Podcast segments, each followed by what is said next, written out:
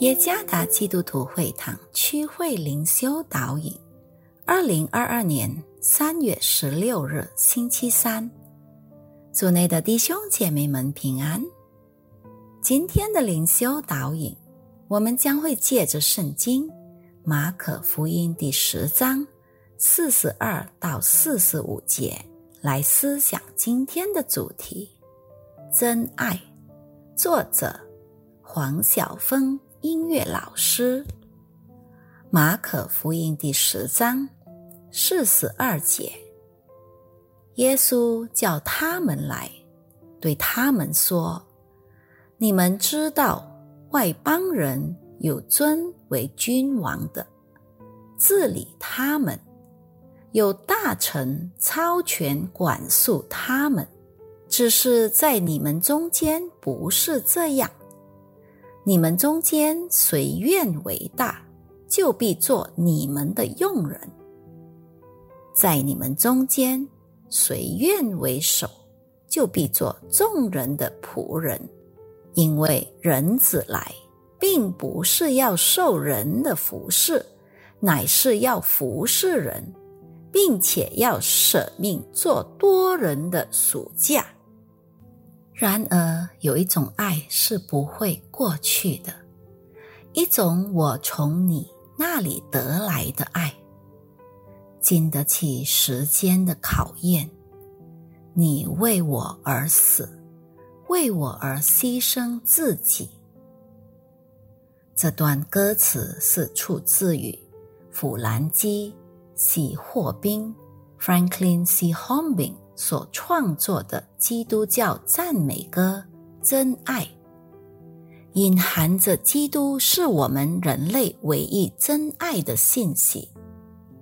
他的牺牲是因着上帝对世人的爱，以及成就他救赎的工作。有趣的是，当我们谈论真爱时，就如一对情侣在谈恋爱时。他们满嘴所说出的都是甜言蜜语和承诺，但这些言语不能只停留在口头上。如果没有扎实的根基，爱情就会搁浅。伟大的爱是建立在心甘情愿并愿意牺牲的根基上。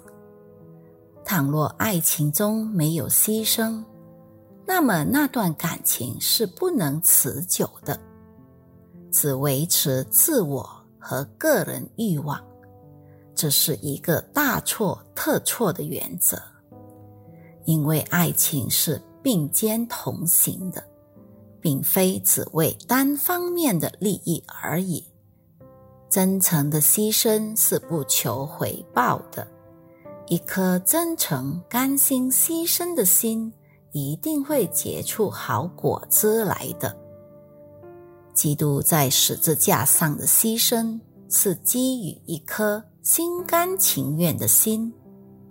他为那些本应灭亡的人，因着上帝的恩典而获得了永生。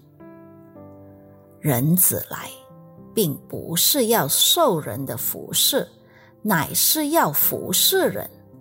并且要舍命做多人的暑假。参看马可福音第十章四十五节，基督的牺牲明显的印证了基督对人类的真爱。让我们持续的学习基于的生活，不仅仅只是接收而已，过上甘心牺牲的生活。别总是自私自利，活出真诚的爱；别总是渴望被爱，因为基督来是要服侍人，并不是要受人服侍。让我们效法基督好榜样的形象和样式。真爱教导我们，不仅仅只是会接受而已。而且还要学会去分享那爱。愿上帝赐福与大家。